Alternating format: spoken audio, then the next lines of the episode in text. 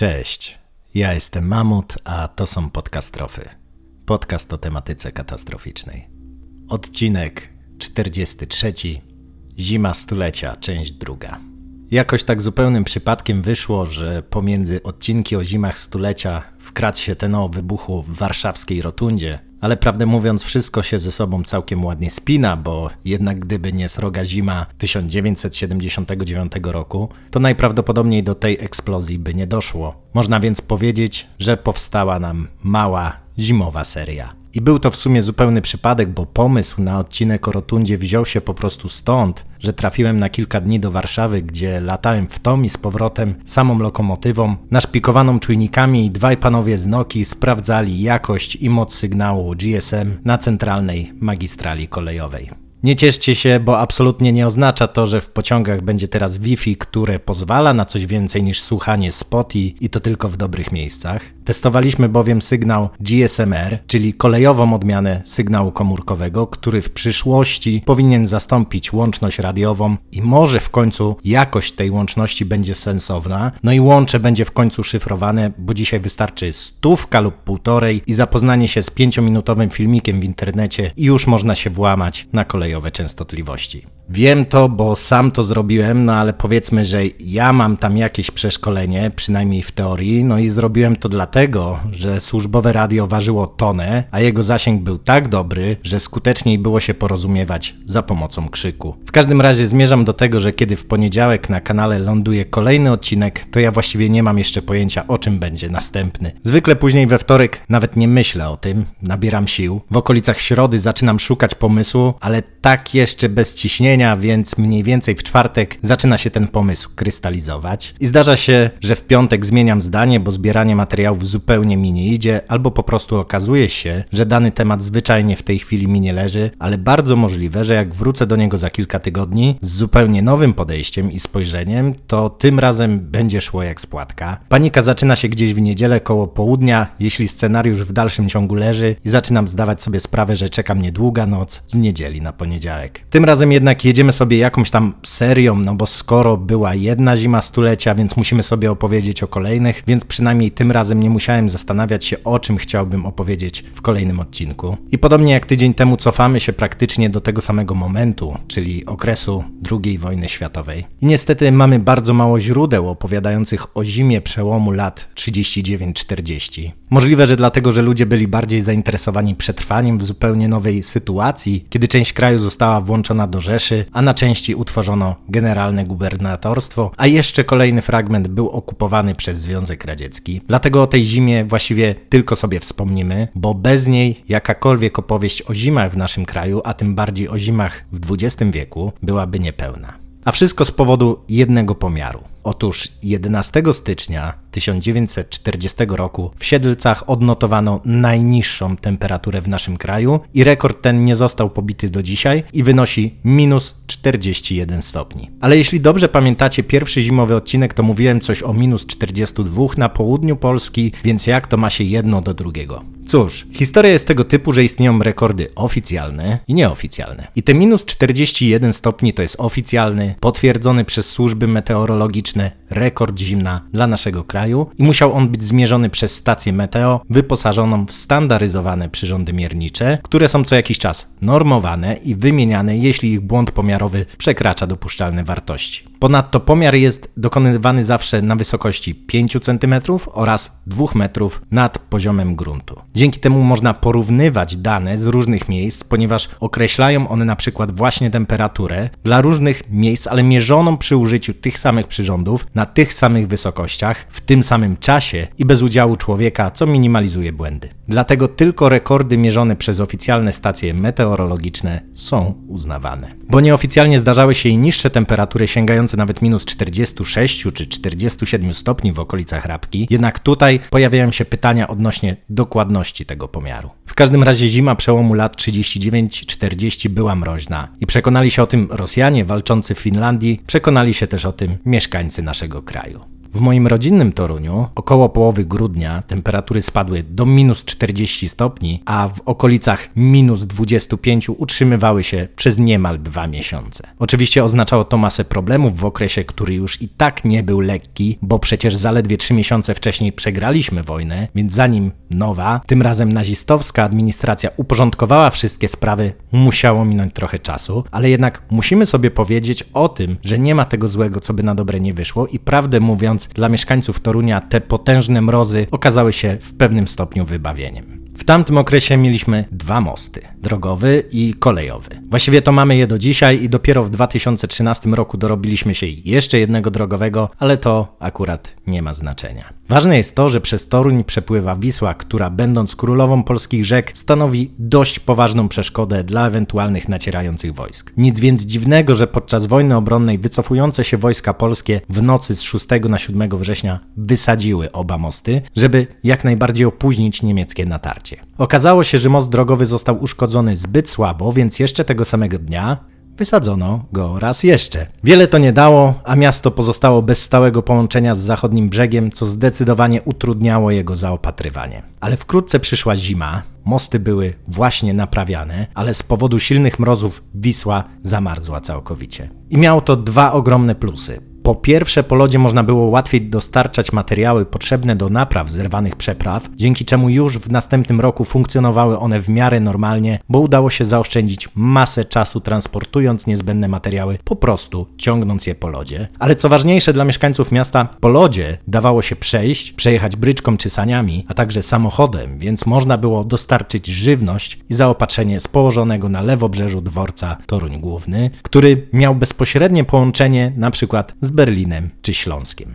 Tym właśnie sposobem wyszło na to, że sroga zima bardzo pomogła mieszkańcom mojego miasta w przetrwaniu tego najcięższego okresu, kiedy przeprawy mostowe nie funkcjonowały. I teraz zastanawiam się, dlaczego w zasadzie mamy tak mało źródeł dotyczących tej zimy w materiałach ogólnodostępnych. Oczywiście są jakieś pojedyncze zdjęcia czy wspomnienia z tego okresu pochowane w tekturowych pudłach różnych muzeów, ale generalnie szału nie ma. Wspomniałem już, że pewnie częściowo może wynikać to z faktu, że ludzie byli bardziej zainteresowani przetrwaniem, a dziennikarze czy prasa w tym okresie po prostu praktycznie nie istnieli. Natomiast chodząc po mieście z aparatem można się było narazić gestapo. Ale też w sumie, czy to była aż tak wyjątkowa zima? Bo we wspomnieniach ze stycznia 1945 roku bardzo często pojawia się motyw mroźnej zimy, przynajmniej jeśli mówimy o mojej najbliższej okolicy. Alojzy Ligman, jeden z toruńskich maszynistów, w swoich wspomnieniach opisywał, jak po ucieczce Niemców, a krótko przed wkroczeniem Rosjan, pojechał saniami po ziemiaki do jednej z podtoruńskich wsi. Dzisiaj z centrum samochodem droga zajmuje może 10 minut. Przemierzałem ją kiedyś na piechotę i na luzie jest to dwie, maksymalnie 3 godziny marszu, ale jemu zajęło to całe dwa dni i zmuszony był nocować na kościelnej plebanii, ponieważ nie było szans, żeby z powodu trzaskającego w nocy mrozu bezpiecznie wrócić do miasta. Więc może po prostu ludzie nie nie przykładali aż takiej wagi do tego, czy było minus 30 czy 40 stopni, bo było to w tamtym okresie coś dość częstego. W każdym razie wojna w końcu się skończyła, a zimy też jakby odrobinę zelżały. Nie oznacza to, że nie było śniegu czy mrozu, po prostu minus 20 nie robiło na nikim wrażenia, więc nie było to warte odnotowania w żaden sposób, bo przecież tak powinna wyglądać prawdziwa zima. Dopiero kiedy temperatura spadała grubo poniżej, ludzie odnotowywali ten fakt i przypominali sobie, że takie sytuacje miały już miejsce. W sumie ja też jestem w stanie sobie przypomnieć, ile lat temu pracowałem przy minus 25 stopniach, czy kiedy chodziłem po częściowo zamarzniętej Wiśle, ale jeśli zapytacie mnie, kiedy było minus 5 albo jaka była pogoda ubiegłej zimy, czy tej sprzed 5 lat, to możecie spodziewać się, że odpowiem, że nie mam bladego pojęcia. Chodzi o to, że emocje powodują, że niektóre rzeczy pamiętamy zwyczajnie lepiej, a chodzenie po Wiśle było emocjonujące i w pewnych sytuacjach jest to przydatne, natomiast w przypadku traumatycznych przeżyć może sprawiać problemy przy powrocie do życia sprzed jakiegoś wydarzenia i do stabilności emocjonalnej. Zresztą co tu zapamiętywać? Minus 20, ale wszystko działa, czy może minus 40, tunele wykopane w śniegu, brak wody, ogrzewania, niedobór żywności, pozamykane wszelkie instytucje i codzienną walkę o przetrwanie, kiedy nawet wyjście do sklepu może być ryzykowne? I taką kolejną zimą, która dość mocno utkwiła w ludzkiej pamięci, była ta z przełomu lat 1962-63. I właściwie możemy sobie powiedzieć, że było jak zwykle Bo to chyba zawsze tak jest, że nic nie zapowiada nadchodzącej katastrofy, zwłaszcza jeśli mamy na myśli takie zjawiska naturalne jak zima. Okej, okay, na świecie coś tam się działo, bo śnieg spadł w Barcelonie, co nawet w grudniu nie jest typowe dla tego miejsca, ale kiedy wrzucałem poprzedni odcinek o zimie stulecia, to śnieg padał akurat w Atenach i też nie szykujemy się na żaden kataklizm. Wtedy było podobnie, w grudniu temperatura była nawet dodatnia, chociaż wiadomo, że jednego dnia była wyższa, drugiego niższa, jednak generalnie nic wartego odnotowania. Ale zaraz na początku 1963 roku pogoda jednak się załamuje i w zależności od regionu prędzej lub później zaczynają się obfite opady śniegu. I właśnie z tego powodu została ona szczególnie zapamiętała, bo to nie mróz był wtedy największy, chociaż i tak nie należał on do lekkich, ale przede wszystkim odnotowano wtedy największe w XX stuleciu opady śniegu. Początkowo temperatura spadła do minus 15 stopni, co akurat nie robiło na nikim wielkiego wrażenia, po prostu zima jak zima, ale w ciągu kilku następnych dni sytuacja zaczęła się pogarszać, zwłaszcza na południu kraju. W okolicach Krakowa już pomiędzy 2 a 4 stycznia cały transport siadał. Pługi nie były w stanie przebić się przez potężne zaspy, podobnie zresztą było na kolei. Ogromnym wysiłkiem udawało się utrzymywać jako taką przejezdność na najbardziej newralgicznych kierunkach, czyli północnym na Warszawę, południowym do Zakopanego i na osi wschód-zachód łączącej Śląsk z granicą państwa ze Związkiem Radzieckim. I to tyle. Na więcej nie starczało sił i środków, a już samo utrzymanie tych czterech kierunków okupione było ciężką pracą, bo wyobraźcie sobie, że miejscami, i to nawet na długości kilku kilometrów, droga musiała zostać zwyczajnie wydrążona w śniegu, który mógł mieć nawet do 3 metrów głębokości, więc jechało się po prostu przez biały kanion, który był wyższy nawet niż autobus, a co oczywiste w takiej sytuacji, pierwsza lepsza zamieć znów nawiewała do takiego wykopu ogromnej ilości śniegu, przez co praca przy utrzymaniu tych ciągów komunikacyjnych właściwie nie miała końca. Ale nie dało się o tym przeczytać w oficjalnej prasie. Przynajmniej jeszcze nie. Bo wiecie, wszędzie było źle, tylko nie w mlekiem i miodem płynącej, socjalistycznej ojczyźnie. We wspomnianej Barcelonie 10 cm śniegu, w kapitalistycznych Stanach mróz zniszczył na Florydzie zbiory cytrusów, w Paryżu właśnie skończyły się najzimniejsze święta od 82 lat, ale u nas było ok. No dobra, były jakieś tam przejściowe problemy, ale radzimy sobie z nimi doskonale i nie ma mowy o żadnym paraliżu. 15 stycznia gazety informowały o wizycie Chruszczowa w Poznaniu, o ciekawym eksperymencie radzieckim dotyczącym wyświetlania kolorowego obrazu w telewizorze oraz o ofiarach śmiertelnych zimy na Wyspach Brytyjskich. Ale u nas nie było problemu. Tylko, że sytuacja pogarszała się z każdym dniem i z każdymi opadami śniegu. Zaledwie dwa dni później pociąg jadący do Krotoszyna na południu Wielkopolski utknął w zaspie. W sumie też nic nadzwyczajnego, to się zdarza. No tak, tylko żeby się do niego dostać i ewakuować pasażerów, konieczne stało się wykopanie 3-metrowego tunelu, ponieważ cały skład został zwyczajnie zasypany po dach i nie było innej możliwości, żeby wydostać z niego ludzi. Próbowano jeszcze pudrować sytuację, informując o kolejnych sukcesach centrali nasiennej w Poznaniu, a nawet użyto takiego zdania, że ogólnie biorąc, sytuacja w transporcie kolejowym i komunikacji drogowej poprawiła się. Oczywiście wcześniej nie było ani słowa o tym, że się pogorszyła i dlaczego, no ale nie ma się czemu dziwić. Ale zaklinanie rzeczywistości na zasadzie to nieprawda, że dach przeciekał, zresztą prawie wcale nie padało, nie może trwać wiecznie. 21 stycznia temperatura w Poznaniu spada do minus 27 stopni Zaczynają pękać szyny, zwrotnice zamarzły i nie da się ich w żaden sposób przełożyć, a śnieg, który wciąż pada lub jest nawiewany z pól, uniemożliwia przejazd jakiegokolwiek pociągu, zanim nie wyśle się pługu, żeby przetarł szlak. Nic to jednak nie dawało, bo temperatura spadała dalej, więc nawet kiedy udało się jakoś odkopać tor, okazywało się, że tu i ówdzie doszło do pęknięcia szyny i trzeba było te miejsca zabezpieczyć albo w ponad 30-stopniowym mrozie wymieniać uszkodzone fragmenty, co też nie było lekką pracą. Poza tym, co z tego, że pociąg dotrze na przykład ze Szczecina do Poznania, skoro tam nie można go wyprawić w dalszą drogę, bo rozjazdy nie chodzą. Oczywiście na to też były patenty. Po pierwsze, szmaty nasączone ropą, które paliło się na rozjazdach, żeby dało się je w ogóle przełożyć. Trwało to oczywiście strasznie długo, nie dawało stuprocentowej pewności powodzenia, a można było uszkodzić na przykład drewniane podrozjezdnice, które zaczynały się tlić. Ale znano też inny patent. Na sąsiedni tor podjeżdżał parowóz, podpinano do niego węże i parą z jego kotła odmrażano zamarznięte elementy. Szybko,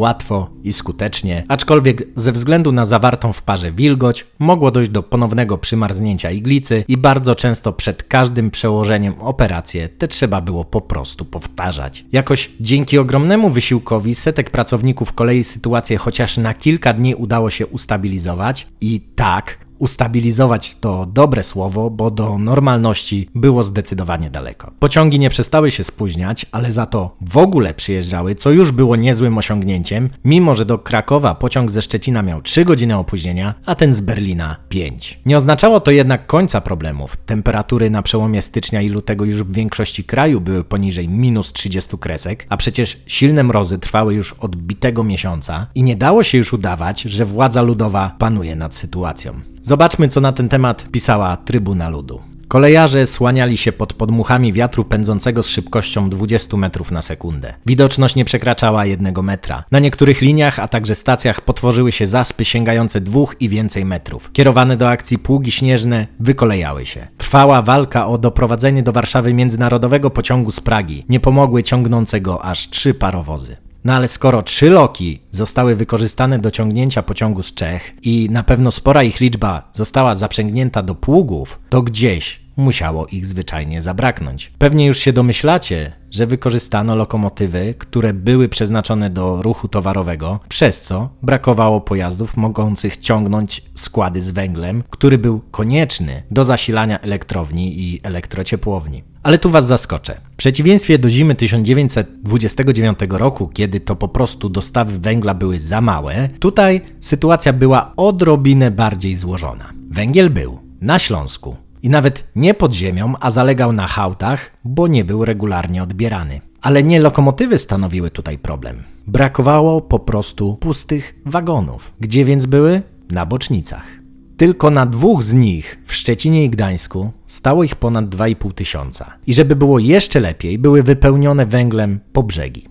Podobna sytuacja była zresztą na bocznicy stołecznej elektrociepłowni na Żeraniu. Stało tam setki wagonów z miałem węglowym, ponieważ to właśnie nim były opalane jej piece. W czym więc był problem? No w tym, że ładunek zamarzł po prostu na beton i niemożliwe było rozładowanie wagonów na wywrotnicach. Samo to urządzenie jest po prostu genialne w swojej prostocie, bo wagony wjeżdżają do środka, po czym wywrotnica obraca je do góry kołami i węgiel, czy też w tym przypadku miał węglowy, wypada do zsypu, skąd jest transportowany przenośnikami taśmowymi do kotłów. Ale działa to pod warunkiem, że ładunek nie zmieni się w zmrożoną skałę, jak to miało miejsce w tym przypadku. Elektrociepłownia na Żeraniu potrzebowała około setki pełnych wagonów na dobę, żeby funkcjonować normalnie, czyli jeden wagon co niecały kwadrans. A teraz wyobraźcie sobie, że cały ten miał trzeba było odkuwać ręcznie przy pomocy kilofów i wyrzucać w postaci brył z wagonów. Dopiero wtedy do akcji mogły wkroczyć ciężkie pojazdy jak spychacze i swoimi gąsienicami miażdżyć te zmrożone, ciężkie bryły do postaci, która już nadawała się do wrzucenia na podajniki i spalenia. Gdyby tego nie zrobiono, mogło po prostu dojść do uszkodzenia taśmociągów, co skutkowałoby przerwami w dostawie paliwa do wszystkich pieców. Ten problem miała nie tylko żerańska elektrociepłownia, występował on właściwie w całym kraju. Nie dało się przy użyciu prostych metod dostatecznie szybko rozładowywać kolejnych porcji węgla, więc ciepłownie i elektrownie zwyczajnie zmuszone były do ograniczenia swojej mocy. Oznaczało to, że do mieszkań po prostu docierało mniej ciepłej wody, albo miała ona niższą temperaturę, przez co nie dało się dogrzać mieszkań do takich temperatur, które uważamy za komfortowe. Prasa wolała o tym milczeć, ale dzisiaj wiemy, że w utajonych statystykach jest mowa o tym, że w mniej niż połowie mieszkań w miastach temperatura przekraczała 14 stopni, co w sumie i tak można było uznać za sytuację komfortową, bo do mniejszych miejscowości, które nie miały sieci ciepłowniczej, węgiel po prostu nie docierał w ogóle. I każdy palił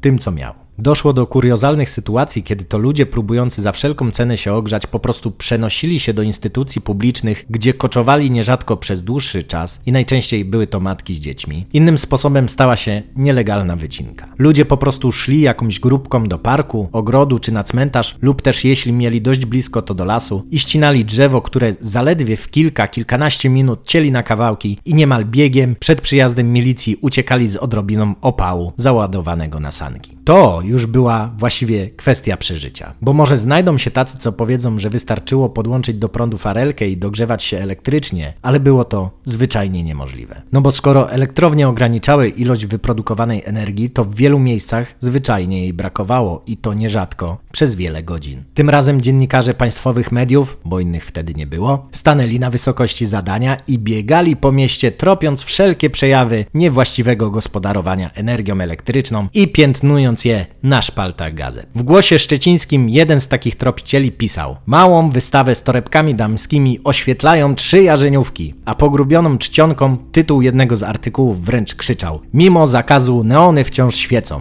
Co ciekawe, przepełnieni troską o dobro obywateli dziennikarze jakoś nie zauważyli, że w sytuacji niedoborów prądu bardzo powszechnym problemem stał się również niedobór świec. Przez co nie dość, że ludzie musieli siedzieć w zimnych mieszkaniach, to jeszcze w zupełnych ciemnościach. Ciekawie robiło się też nad morzem. Świnoujście miało poważne problemy z zaopatrzeniem w żywność. Dzisiaj można by ją dowozić tunelem, który może nie jest jeszcze ukończony, ale jeszcze w tym roku ma zostać oddany do użytku i jest już przebity i połączył wyspy Wolin i Uznam. 60 lat temu do dyspozycji były tylko promy łączące Świnoujście i Karsibur, które przy zamarzającej świnie nie mogły pływać ze względu na spływającą krę, a zanim można było dostarczać zaopatrzenie po lodzie, też musiało upłynąć trochę czasu, zanim stał się on dostatecznie gruby. Ale nie tylko rzeki zamarzały, mróz był dostatecznie silny, żeby zaczął zamarzać także Bałtyk i już pod koniec pierwszego tygodnia lutego zamarznięta była ponad połowa jego powierzchni. W sumie nic dziwnego, zaledwie 200 lat wcześniej potrafił on zamarznąć całkowicie, a z przekazów z XVIII wieku wiemy, że nawet w połowie drogi pomiędzy Szwecją a Polską miała znajdować się karczma i właściwie gdyby spojrzeć obiektywnie, to nawet nie dzieli nas taka wielka odległość, bo w linii prostej jest to w najwęższym miejscu raptem 150 km, a gdyby podróżować po lodzie z koło brzegu przez Bornholm, to najpierw mamy do pokonania 90 km do wyspy, a wtedy od wybrzeży Szwecji dzieli nas już tylko 35 km.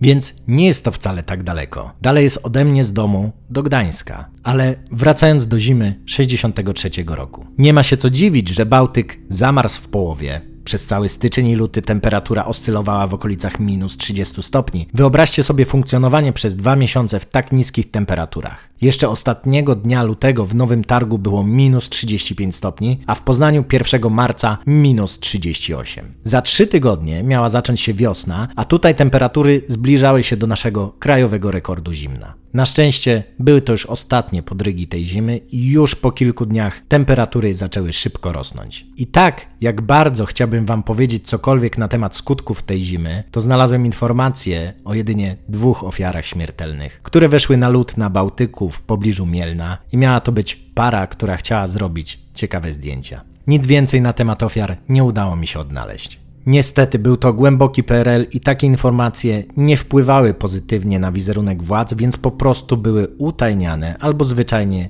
nie prowadzono takich statystyk. Następna równie ostra zima miała przyjść kilkanaście lat później i mimo, że to wciąż było to samo państwo, które sprawowało kontrolę nad wszelkimi aspektami życia swoich obywateli, a przede wszystkim nad informacją, to jednak epoka Gierka wyglądała już zupełnie inaczej. Przenieśmy się więc do zimy przełomu lat 1978-79. Właśnie minęło mokre, bo bardzo deszczowe Boże Narodzenie 78 roku i jak to zwykle bywa, nic raczej nie zapowiadało, żeby za chwilę miał nadejść zimowy kataklizm. W nocy z 29 na 30 grudnia zaczął padać śnieg i podejrzewam, że wszystkie dzieciaki, a nawet sporo dorosłych cieszyło się z tego, że aura zmieniła się na odrobinę bardziej świąteczną i wszystko w końcu pokryło się białym puchem, trochę przełamując tą zimową szarość i monotonię. Ale śnieg padał.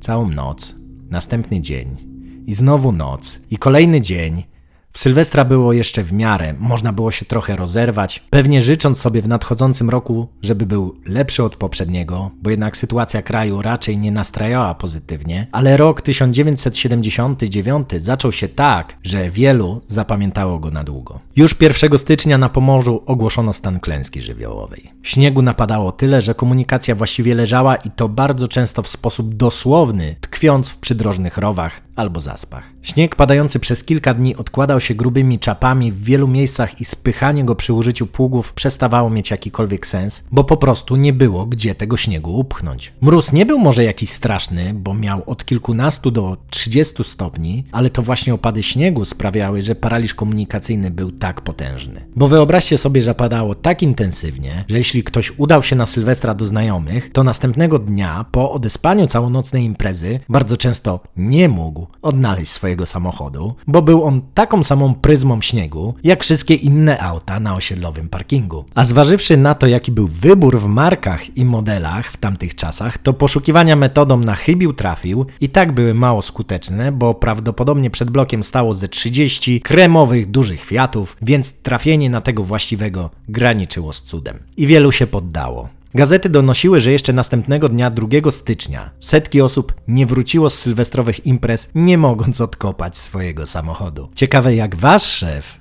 zareagowałby na taki powód niestawienia się w pracy. Z drugiej jednak strony oberwało się wtedy wszystkim, więc pewnie szefa też nie było. Ponad 1300 dzieci, które wyjechały na zimowiska w okolice Nowego Sącza, musiały zostać tam kilka dni dłużej, ponieważ transport w całym kraju zupełnie nie funkcjonował. W wielu miejscach zwyczajnie zawieszono zajęcia szkolne do odwołania, zresztą prawdę mówiąc, było to bez większego znaczenia, bo i tak nikt nie był w stanie dotrzeć do szkoły, no chyba że mieszkał na tyle blisko, że chodził do niej na pieszo. Spodziewacie się zapewne, co było dalej, bo przecież za każdym razem ten scenariusz się powtarza. Oczywiście, jak zwykle, tory zasypało, szyny zaczęły pękać, a rozjazdy zamarzać. I to wcale nie chodzi o to, że w tamtych czasach używano fatalny materiał torowy. Takie rzeczy po prostu się zdarzają, kiedy temperatury osiągają bardzo niskie lub bardzo wysokie wartości. Pode mną pękła szyna w środku lata, kiedy było ponad 30 stopni na plusie. Więc skoro kolej zaczęła w tych warunkach kuleć, to od razu wiadomo, że zaczęły się problemy z dostawami węgla do opalania kotłów w elektrowniach i ciepłowniach. Tradycyjnie już wszystko, cały łańcuch dostaw i zaopatrzenia zaczął się sypać jak domek z kart. Tym razem również zaczęły się problemy z dostawami prądu i w głosie szczecińskim czytamy.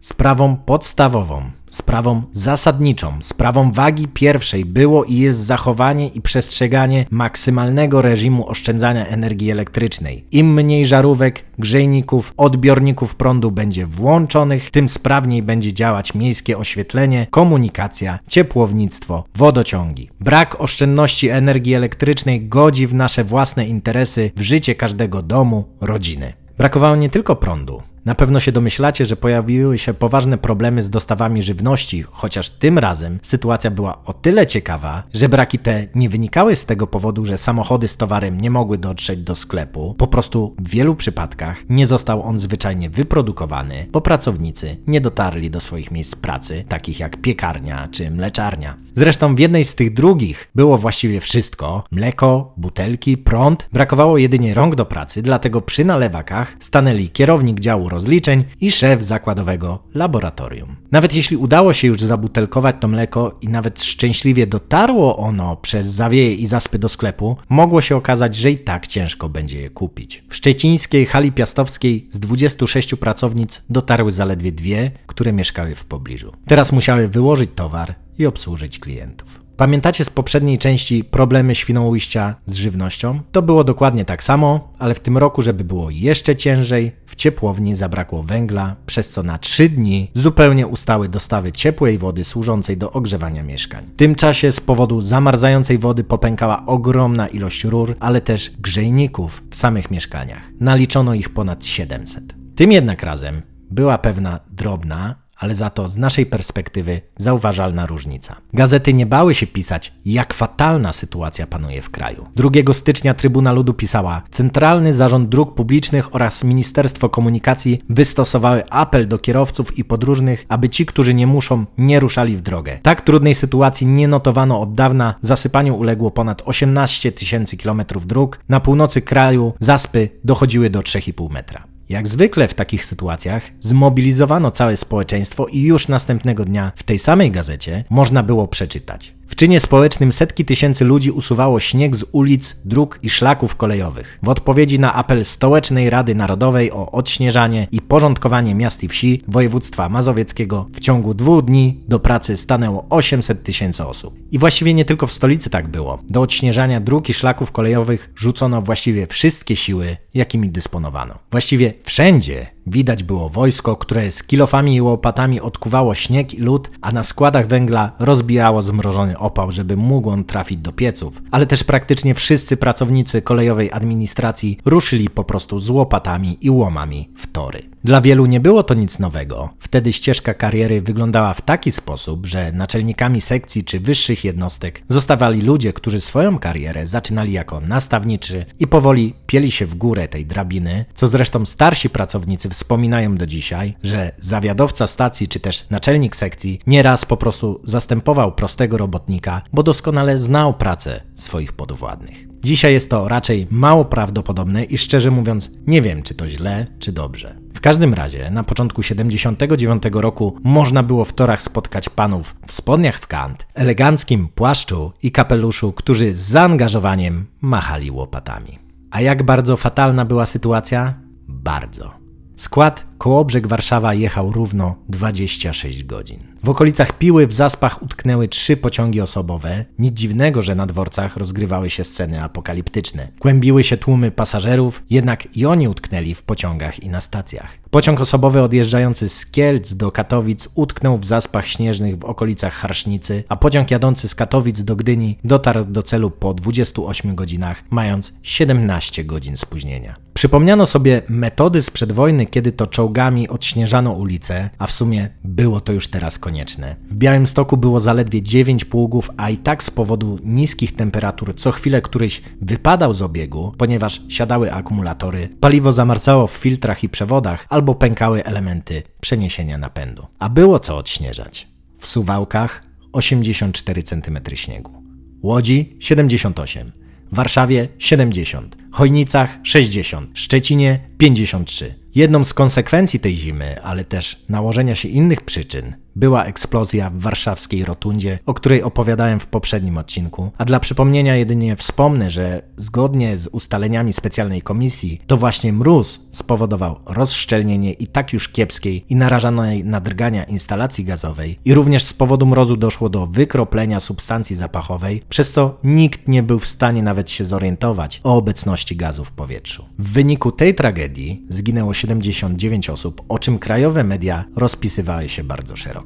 Jednak mimo, że w pewnym sensie był to już okres odwilży, jeśli chodzi o cenzurę, to również z tej zimy nie dysponujemy dokładnymi danymi, jeśli chodzi o liczbę ofiar. Szacunki historyków mówią, że mogło być ich około tysiąca, co w zasadzie może być równie dobrze blisko prawdy lub też być liczbą zaniżoną czy zawyżoną. To dość typowe dla takich systemów i sytuacji. Rotunda to był wypadek oficjalnie spowodowany mrozem i nie dało się mu zapobiec. Otłoczyn to był wypadek spowodowany zmęczeniem, ale kiedy całe państwo przestaje funkcjonować, zaopatrzenie i transport leży, dochodzi do przerw w dostawach prądu i wody, to jednak ciężko twierdzić, że no nie dało się przewidzieć zimy w styczniu i odpowiednio do niej przygotować, skoro taka sytuacja zdarza się średnio co kilkanaście lat. Bo ta zima, jak każda, w końcu musiała się skończyć, ale nie oznaczało to, że nie dojdzie do podobnych sytuacji w przyszłości. W XX wieku powtórzyło się to jeszcze raz, kiedy w styczniu 1987 roku temperatura znów spadła poniżej minus 30 stopni. W Białymstoku i Kielcach poniżej minus 34, w Lublinie minus 32, w Warszawie minus 31. Spadło też całkiem sporo śniegu. Pomiary dokonywane w Bielsku Białej wskazywały 87 cm. Jednak tym razem udało się uniknąć totalnego paraliżu, ponieważ pogoda była nieco łaskawsza i mróz to chwytał, to znów odpuszczał, a opady też nie trwały nieprzerwanie, więc był czas na uprzątanie śniegu, zanim spadła jego kolejna porcja. Jak na kolejną już zimę stulecia, tym razem udało się przejść przez nią dość gładko. Tym sposobem zamykamy sobie serię zimową. Pytanie brzmi, czy dzisiaj jeśli temperatura spadłaby na dwa miesiące poniżej minus 30 stopni, to dalibyśmy sobie radę? Czy może wystąpiłyby dokładnie te same problemy co kiedyś? A może byłoby jeszcze gorzej? Bo jednak bardzo często jest tak, że zwyczajnie żałujemy pieniędzy na przygotowania do czegoś, co może kiedyś nastąpić, ale w zasadzie nie musi się to wydarzyć w najbliższej dekadzie lub dwóch, A przecież są ważniejsze wydatki, które trzeba poczynić już i teraz i które to przyniosą szybko zauważalne efekty. Natomiast sprzęt służący do odśnieżania dróg torów, czy specjalistyczne pojazdy mogące odladzać sieć trakcyjną, zwykle są niewidoczne i stoją zmagazynowane w garażach i shopach. A kiedy już przyjdzie sytuacja, że okażą się potrzebne, ale zrezygnowaliśmy ich zakupu, to nie pozostaje nic innego, jak wysłanie ludzi w drezynach, żeby młotkami odkuwali lód sieci trakcyjnej oraz rozłożenie rąk w geście bezradności i słynne już powiedzonko sorry, taki mamy klimat. Zdjęcia nawiązujące do tych historii, jak i wszystkich poprzednich znajdziecie na stronie Podcastrofy na Facebooku. Zapraszam Was także do śledzenia mojego Instagrama. Może w końcu zmotywuję się do tego, żeby działo się tam odrobinę więcej. Natomiast jeśli macie ochotę wesprzeć moją paplaninę, to oczywiście można mnie znaleźć na patronite.pl ukośnik mamut. To tyle, jeśli chodzi o te katastrofy. Do usłyszenia.